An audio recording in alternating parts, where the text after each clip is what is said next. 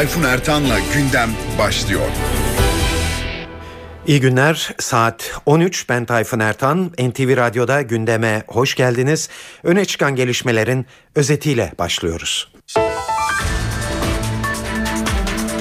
Gezi Parkı olaylarının ardından tutuklu sayısı 24'e yükseldi. Savcılık zanlıları sivil darbe iddiasıyla sorguluyor. Hükümet siber suçla mücadeleye amacıyla yeni bir eylem planı hazırladı. Uluslararası İnsan Hakları Federasyonu Türkiye'ye biber gazı satılmaması çağrısında bulundu. Brezilya'da 100 kente sıçramış görünen gösteriler devam ediyor. Yunanistan'da devlet televizyonu ERT'nin kapatılması hükümet krizi haline geldi. Ve günün canlı yayın konuğu Avrupa Birliği uzmanı Cengiz Aktar.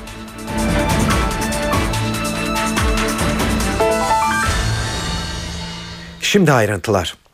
Gezi Parkı olayları ve ardından başlatılan soruşturmada gelinen son durumla açıyoruz gündemi. Tutuklananların sayısı yükseliyor. Son olarak İstanbul'da gözaltına alınan 25 kişi dün gece tutuklanmaları istemiyle mahkemeye sevk edildi. Bunlardan 18'i tutuklandı. Böylece Gezi Parkı olaylarının ardından tutuklu sayısı 24'e yükseldi. Savcılık sorgusu sürenler de var. Şu anda Çağlayan'daki Adalet Sarayı'nda 34 zanlı savcının sorularını yanıtlamakta. Ankara ve İstanbul merkezi merkezli baskınlarda gözaltına alınan zanlılara hükümete karşı darbe iddiası ile ilgili sorular yöneltildi. Zanlılar sivil darbe yapmakla itham edildi. Savcılığa göre eylemlerdeki asıl amaç meclis ve başbakanlığın işgal edilmesi. Ayrıntıları NTV muhabiri Gökhan Gerçek'ten dinliyoruz. Gezi Parkı eylemlerine katılan sol örgütlere yönelik Ankara ve İstanbul merkezli operasyonun ayrıntıları netleşiyor. Bugüne kadar 2000'e yakın vatandaş bu protesto gösterilerine katılan vatandaş gözaltına alınmıştı. Daha çok 2911 sayılı toplantı gösteri ve yürüyüş kanuna muhalefetle suçlanmıştı şüpheliler ve tamamına yakını serbest bırakılmıştı. Yine kamu malına zarar verme ve polise mukavemet diğer suçlama fezlekeleri arasındaydı. Ancak geçen günlerde sunulan operasyon savcılık fezlekelerinin seyrinin darbeye doğru gittiğini gösteriyor. Bu kez gözaltına alınan zanlara darbe iddiasıyla sorular soruldu. Sivil darbe iddiaları soruldu. Savcılığa göre eylemlerdeki asıl amaç meclis ve başbakanlığın işgal edilmesi. Bu çerçevede zanlara başbakanlık, bakanlıklar ve Türkiye Büyük Millet Meclisi binalarını işgal etme talimatını örgütten mi aldınız? Buradaki amaç neydi? Sorusu yöneltildi. E, ayrıca gösteriler Kızılay Meydanı'nda olurken başbakanın Keçiören'deki evine yönelmekteki amacınız neydi? Başbakan evine gitme talimatını örgütten mi aldınız? E, kamu mallarına zarar verme, cebir ve şiddet kullanma, baskı, korkutma, yıldırma, sindirme gibi eylemler eylemlere karışma talimatını örgüt mü verdi? Amaç hükümeti uluslararası platformda zor durumda bırakma ve hükümeti devirmek miydi? Soruları yöneltildi. Ankara Cumhuriyet Savcısı Durak Çetin'in talimatıyla başlatıldı operasyon. Önceki gün söylediğimiz gibi Ankara İstanbul merkez daha çok ezilenlerin Marksist Leninist Komünist Parti, DHKPC, ezilenlerin sosyalist platformu ve devrimci sosyalist işçi hareketi üyeleri gözaltında. Polisteki sorgular tamamlandı. Bugün soruşturma savcılığına sevk edildi Ankara'daki zanlılar. Bir tanesi sağlık çalışanı olmak üzere 26 kişinin sorgusu sivil darbe iddiası üzerinden devam ediyor. Ee, şüphelilerin tutanıp tutuklanmayacağına özgürlük hakimliği karar verecek. Gökhan Gerçek NTV Radyo Ankara. Protesto gösterileri yer yer devam ediyor. İstanbul'da Sarıyer ilçesinde dün gece Yeniköy Parkı'nda düzenlenen forum için bir araya gelenleri 10 kişilik bir grup burada tencere tava çalmayın diyerek tehdit etti. Sonra kalabalığın sayısı arttı ve forumdakilere yönelik bir saldırı oldu. Bir kişi bıçakla yaralandı. İstanbul valisi bugün bu konunun sorulması üzerine olayın incelenmekte olduğunu açıkladı. Ankara'da ise Gezi Parkı protestolarında yine polis müdahalesi vardı. Polis Kennedy Caddesi'nde toplanan gruba tazikli su ve biber gazıyla müdahalede bulundu. Grup Bestekar Sokak'ta ateş yakıp yolu bir süre trafiğe kapattı. Kennedy Caddesi'nde müdahale sürerken 200 kişilik bir grupta Dikmen Caddesi'ni trafiğe kapattı. Bu grup daha sonra dağıldı. Mersin'de de Yenişehir ilçesindeki bir alışveriş merkezinin önünde toplanan yaklaşık 300 kişi Adnan Menderes bulvarına yürümek istedi. Kalabalık polis tarafından durduruldu. Eylemcilere tazikli suyla müdahale edildi. Arbede'de 4 gösterici ve 2 polis yaralandı.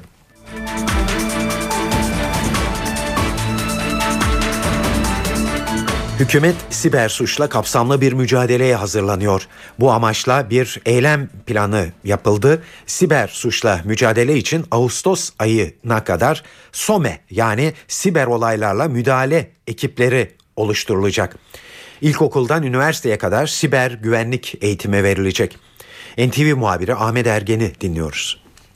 Türkiye siber suçla topyekün mücadeleye hazırlanıyor. Tüm kamu kurumları siber suçlara karşı bilgilendirilecek, önlem için teknik destek sağlanacak.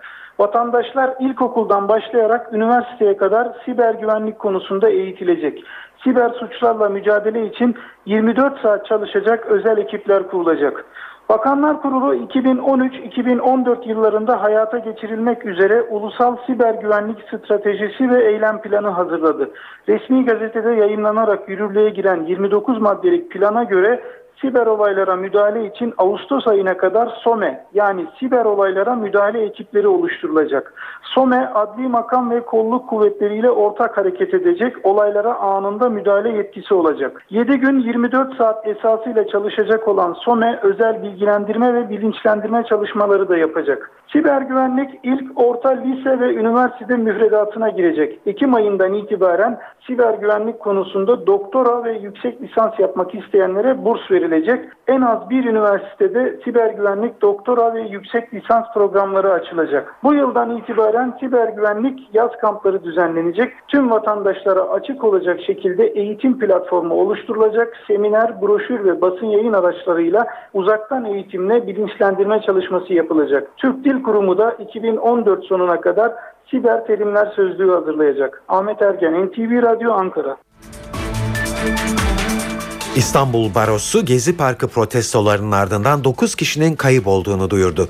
Vali Hüseyin Avni Mutlu bizim elimizde bu yönde bilgi yok dedi ama konuyu inceleyeceğini de söyledi. Kayıp konusunda bize dün itibariyle yapılmış olan e, müracaatları baronun açıklamış olduğu rakamlar çok farklı. Benim emniyetimizden aldığım bu olaylara ilişkin ciddi spekülasyonlar var. Yani pek çok kişi sanki işte e, kaybolmuş ve bunlarla ilgili bir sıkıntı varmış diye.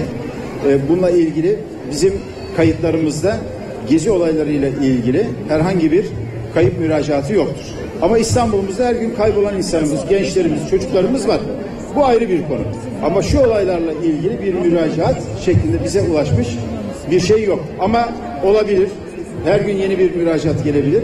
Fakat bunların hepsi de ayrı spekülasyonlar. Onları da ifade etmek istiyorum. Ama en son sağlıklı bilgiyi ben gene emniyetimizden alır. Bugün gerekiyorsa bir yazılı açıklamayla da sizlere en son durumu bir daha ifade ederim. Yanlış bir bilgiye de düşmemek bakımından. Belki bugün yapılmış olan yeni müracaatlar olabilir. Dolayısıyla şu an itibariyle size yeni bir bilgi verebilmem için emniyetimizde bir daha bunu değerlendirmem gerekir. Ama benim bildiğim kadarıyla Gezi ile ilgili olarak, Gezi olaylarına mahsus olarak bir kayıp müracaatı şeklinde bir müracaat bizde yoktur. Saat 13.08 NTV Radyo'da gündem programını dinliyorsunuz. Şimdi e, Gezi olaylarıyla Avrupa Birliği ile Türkiye arasındaki ilişkileri değerlendirmek e, istiyoruz ve e, telefon attığımızda Bahçeşehir Üniversitesi'nden Cengiz Aktar var. Cengiz iyi günler. Tayfun Ertan Bey merhaba. Tayfun'cum günaydın. Ee, öğlen oldu evet. Evet. Ee, Cengiz biraz orta bir yerden gireceğim e, konuya. Daha sonra e, diğer konulara gireriz. Orta yerden girmemin nedeni şu anda gündemde en çok öne çıkartılan konu e, hükümetin Avrupa Birliği'nin Türkiye'ye karşı ön yargılı davranmakta olduğu görüşü.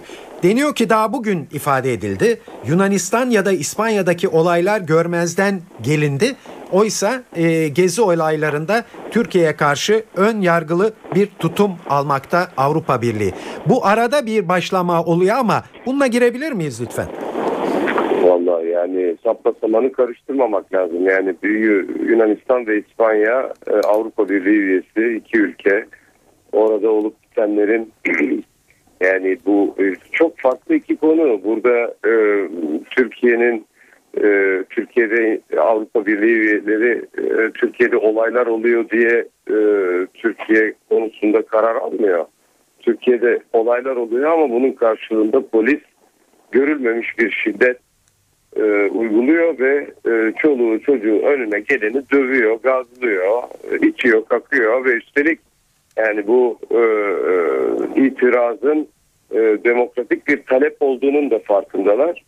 E, sorun buradan kaynaklanıyor ve e, burada bir o kaldıraç e, e, etkisini tabii yani o şimdi satıl açılacak e, gelecek çarşamba e, ve Avrupa Birliği ve belki yıllardır ilk defa bu e, faslı e, faslın açılmasını kefenin öbür tarafına koydu ve e, bir şekilde hükümete baskı yapıyor.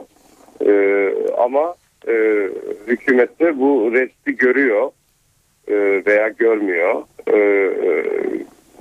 Aynı sertlikte veya yani aynı minvalde, aynı çizgide cevap veriyor.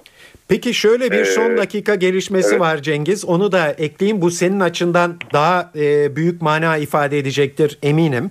E, bir son dakika gelişmesi olarak Almanya'nın e, Türkiye'deki büyükelçisini Almanya'ya çağırdığı Dışişleri Evet. Affedersin dünü e, değiştirerek söyleyeyim. Almanya Evet. Türkiye e, Büyükelçisini Dışişleri Bakanlığı'na e, çağırmış durumda. Bu diplomatik dilde ne anlama gelir?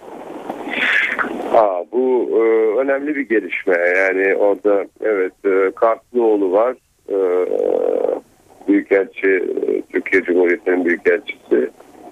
E, Kartlıoğlu'nu çağırması demek e, bu summoning denir buna. Yani e, o, e, eline bir şey vereceklerdir. Nota olabilir bu.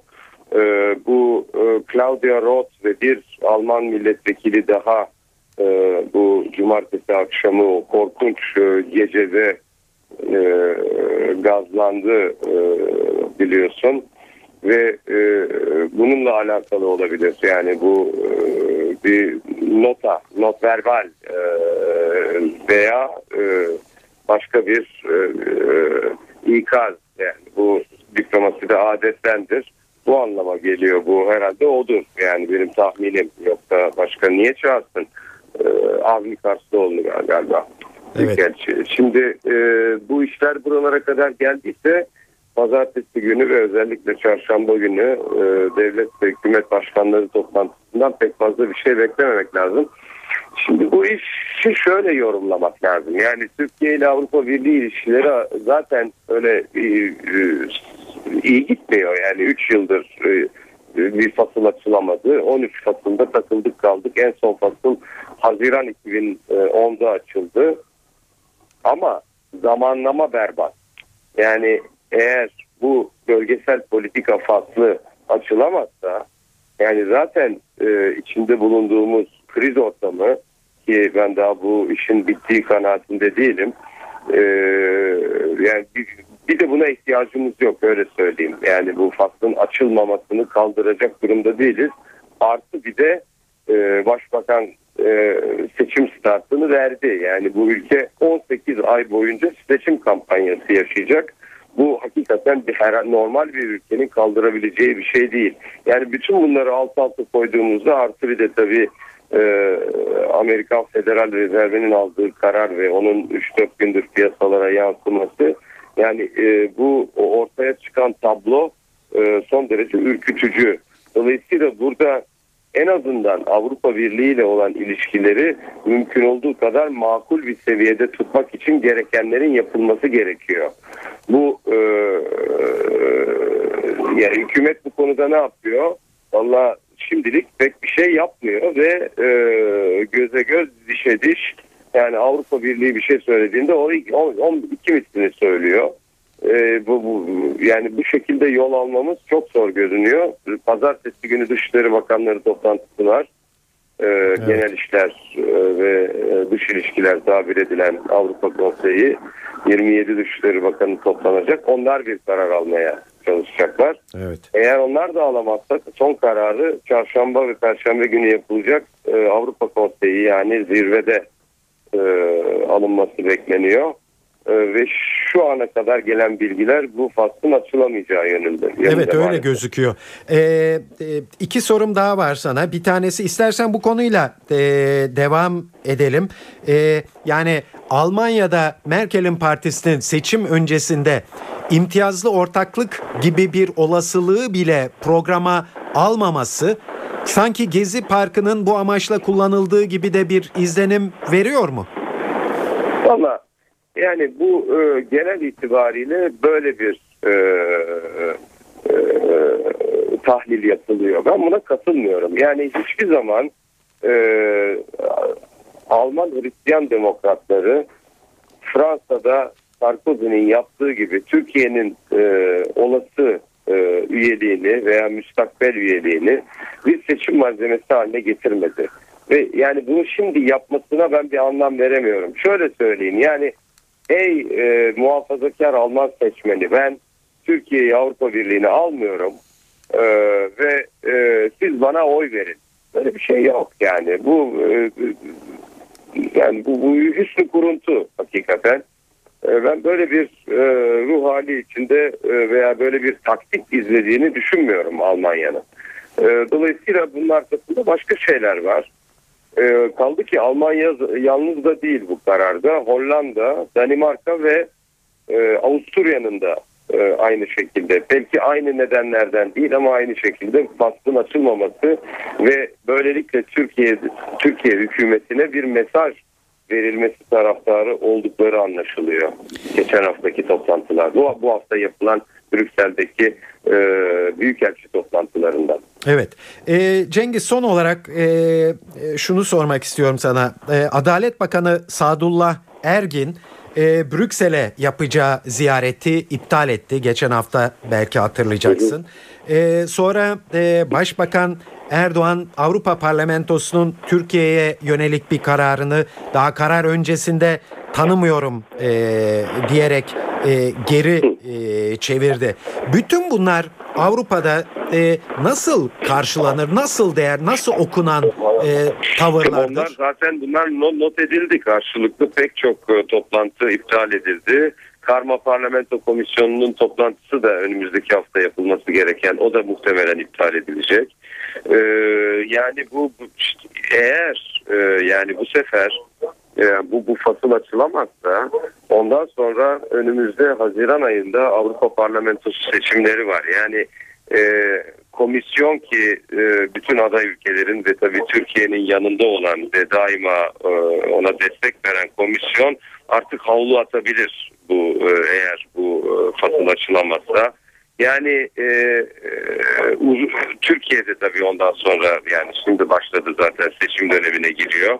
E, artık herhalde bu işi epey bir müddet e, unutmamız gerekecek gibi bir e, intiba ediniyorum. E, Allah muhafaza yani bu Türkiye'de demin anlattığım nedenlerden dolayı hayırlı olmayacaktır. Peki e, önümüzdeki haftaya yani salı, çarşamba ve perşembeye kadar bile uzayabilir bir ihtimal bu e, faslın açılıp açılmamasına ilişkin karar. Şimdiyle o dönem arasında yani önümüzdeki 3-5 gün içinde bu durumu değiştirecek, tersine çevirebilecek ne olabilir Cengiz yapılabilecek? Valla Avrupalıların e, şunu görmeleri gerekiyor. Yani hükümet bir tarafa, toplum belki bu, bu durumda bir tarafa. Yani toplumun o muazzam demokratik beklentilerinin karşılanması gerekiyor. Bunun da yolu, yollarından bir tanesi Avrupa Birliği ile olan ilişkilerin mecrasında devam etmesi ve reform sürecinin devam etmesinden geçiyor. Dolayısıyla bu mesaj alınabilir mi, verilebilir mi? Bütün sorunsal bugün bu şu hafta sonu itibariyle bu ya e, Tayfun. Evet.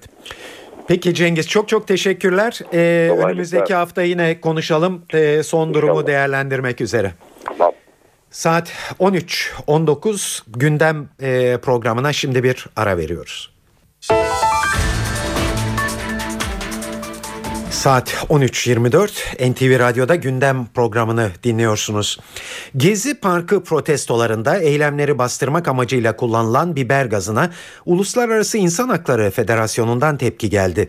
Merkezi Paris'te bulunan federasyon biber gazı satışı yapan ülke ve firmalara çağrıda bulundu ve Türkiye'ye biber gazı göndermeyin dedi. Federasyon çağrının önemsenmemesi ve gaz satışının devam etmesi halinde bu ülke ve firmalarında orantısız biber gazı kullanım suçuna iştirak etmiş olacağı ileri sürüldü. Biber gazının sağlığa ne gibi etkileri olduğu tartışılmakta. E, bu soruya yanıt arayan sağlık dernekleri araştırma sonuçlarını yayınladı. Profesör Elif Dağlı biber gazının vücutta ciddi tahribat yarattığını söylüyor. Kullanılmış olan gazların akciğer sağlığını doğrudan etkilediği, deneysel çalışmalarda ciddi olarak solunum hasarı yaptığı tespit edilen bu gazların yüksek dozda kullanıldığı takdirde uluslararası sözleşmelere aykırı olduğu ve aynı zamanda kalıcı akciğer hasarları yapma ihtimali olduğu düşünülmüştür. Başbakan Erdoğan'ın baş danışmanı AK Parti Ankara Milletvekili Yalçın Akdoğan Star gazetesindeki köşe yazısında Gezi Parkı protestoları üzerinden çözüm sürecini değerlendirdi. Akdoğan BDP ve PKK'yı Gezi Parkı protestolarını fırsata dönüştürmeye çalışmakla suçladı. Akdoğan son dönemde BDP ve PKK'nın hükümetten somut yasal adımlar beklendiği açıklamalarının sürece duyulan güveni sarsmaya ve umutsuzluk aşılamaya yönelik olduğunu belirtti. Çözüm sürecine asıl zararı karamsarlık üreten bu açıklamaların vereceğini vurguladı. Yeni anayasa ve çözüm sürecinin büyüyen Türkiye'ye sıçrama yaptıracak kritik bir eşik olduğunu dile getiren Akdoğan, kendi ifadesiyle meydanlardaki kişi kişilerin sürece yaklaşımını bilinmesine rağmen BDP çevresinin bunu görmezden gelmesinin manidar olduğunu belirtti. 12 Eylül davasında savcı son sözünü 27 Eylül'de söyleyecek. Tarihi davada bugün duruşma günüydü. İddia makamındaki savcının değişmesi nedeniyle mahkeme heyeti duruşmayı 27 Eylül'e erteledi ve yeni savcının mütalasını bu tarihte sunmasını istedi. NTV muhabiri Gökhan Gerçek bildiriyor.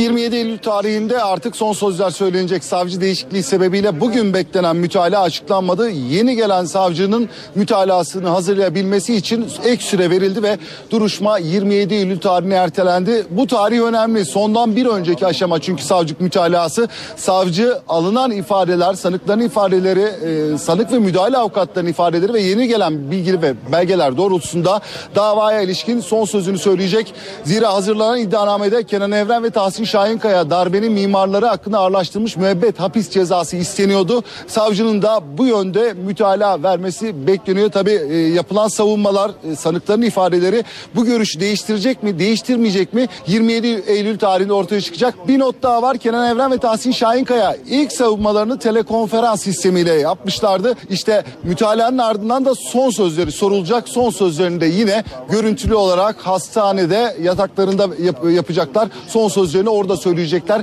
Telekonferans sistemiyle e, belirttiğimiz gibi duruşma 27 Eylül tarihinde Ankara 12. Ağır Ceza Mahkemesi'nde. Dünyada en çok konuşulan bir iki haberle devam edelim. Brezilya'da ülke boyunca 100 kente sıçramış görünen gösterilere 1 milyondan fazla kişinin katıldığı tahmin ediliyor. Pek çok yerde şiddet olayları da yaşanıyor. Sao Paulo'da 18 yaşında bir genç hayatını kaybetti. Gösteriler bundan bir hafta önce otobüs biletlerine zam yapılması üzerine başlamıştı. Ama şimdi yolsuzluklar ve gelecek yılki Dünya Kupası için yapılan harcamalar da protesto edilmekte. Devlet Başkanı Dilma Rousseff krizle ilgilenmek üzere Japonya ziyaretini iptal etti. Brezilya Bakanlar Kurulu bugün olağanüstü bir toplantı yapacak. Gösteriler durulmak bir yana genişlemekte. Protestolara katılan farklı grupların istekleri de büyüyor. Göstericiler eğitim ve sağlık hizmetlerinin iyileştirilmesini, ekonominin canlandırılmasını ve enflasyonun düşürülmesini istiyorlar. Yüksek maaşlı siyasetçilerin mevkilerini kullanarak yakınlarına iş imkanları sağlaması da tepki görüyor. Yolsuzluk ve polisin sert müdahaleleri de yine öne çıkartılan konular. Yunanistan'da devlet televizyonu ERT'nin kapatılması hükümeti zora soktu. Yargıtay ERT'nin yayınına devam etmesi doğrultusunda karar aldı ama bunun nasıl bir yapıda olacağı koalisyon ortaklarını böldü. Başbakan Andonis Samaras'ın kapatma kararına karşı çıkan koalisyonun küçük ortağının hükümetten çekilebileceği belirtiliyor. Bu da ortaya bir hükümet krizi getiriyor. Ayrıntıları NTV Atina muhabiri Stelio Berberakis anlatıyor. Yunanistan'da hükümet kaldı mı kalacak mı e, erken seçimlere mi gidilecek bu sorular dün akşamki e, toplantıdan sonra biraz dağılmış gibi görünüyor. Hükümet e, yani e, üç partili e, koalisyon hükümetini oluşturan e, e, hükümet erken seçim yerine bir partisini feda etmekle e, yetindi ve böylece ülke e, erken seçimlere gitmekten e, kaçınmış oldu.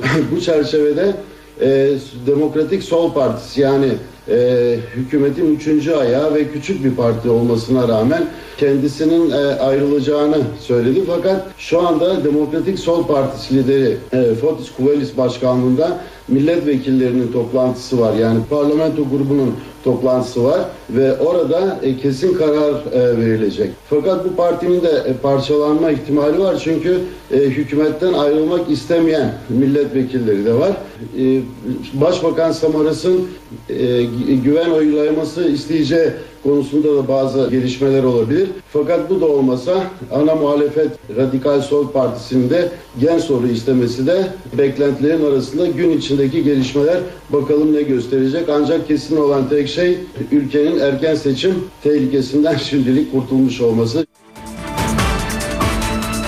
Hatay'da Amanos dağlarında dün öğle saatlerinde çıkan yangın az önce kontrol altına alındı. Ancak yangın 120 hektar alanı kületti. Son durumu NTV muhabiri Sibel Atasoy'dan al- alıyoruz.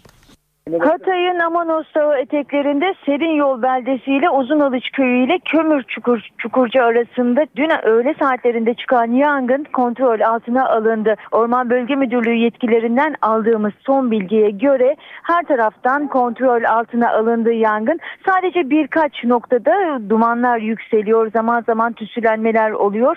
Nokta atışlar yapılıyor. Helikopter ve uçak e, artı yer ekipleriyle birlikte yangının şu anda kontrol altına alındığını söyleyebiliriz. Havadan ve karadan müdahale devam ediyor. Rüzgarın yön değiştirmemesi olumsuz bir hava olmaması durumunda tamamen kontrol altına alınabileceğini belirtiyorlar.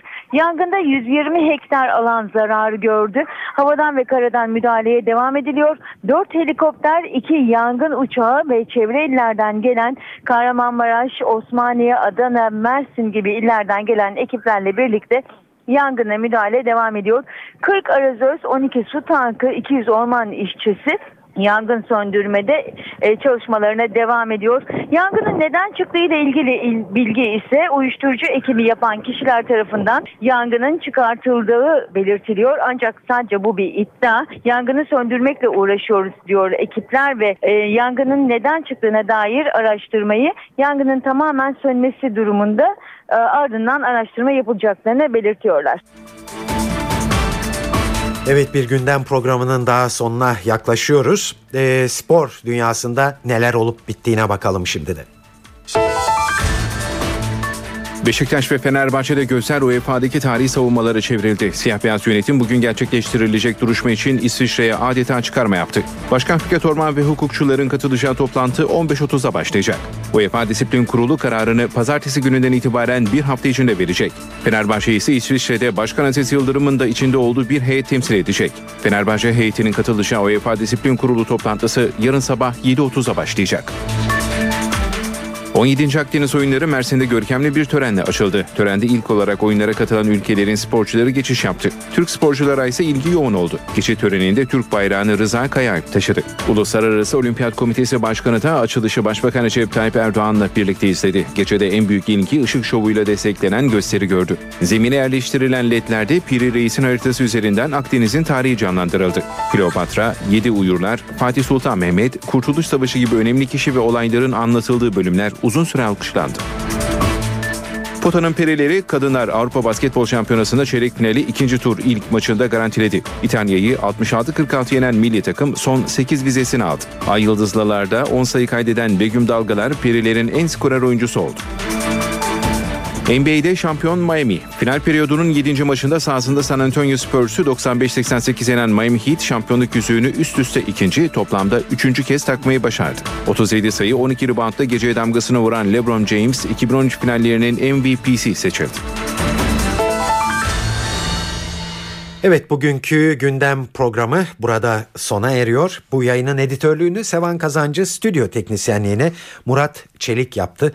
Ben Tayfun Ertan. Hepinize iyi bir gün diliyoruz.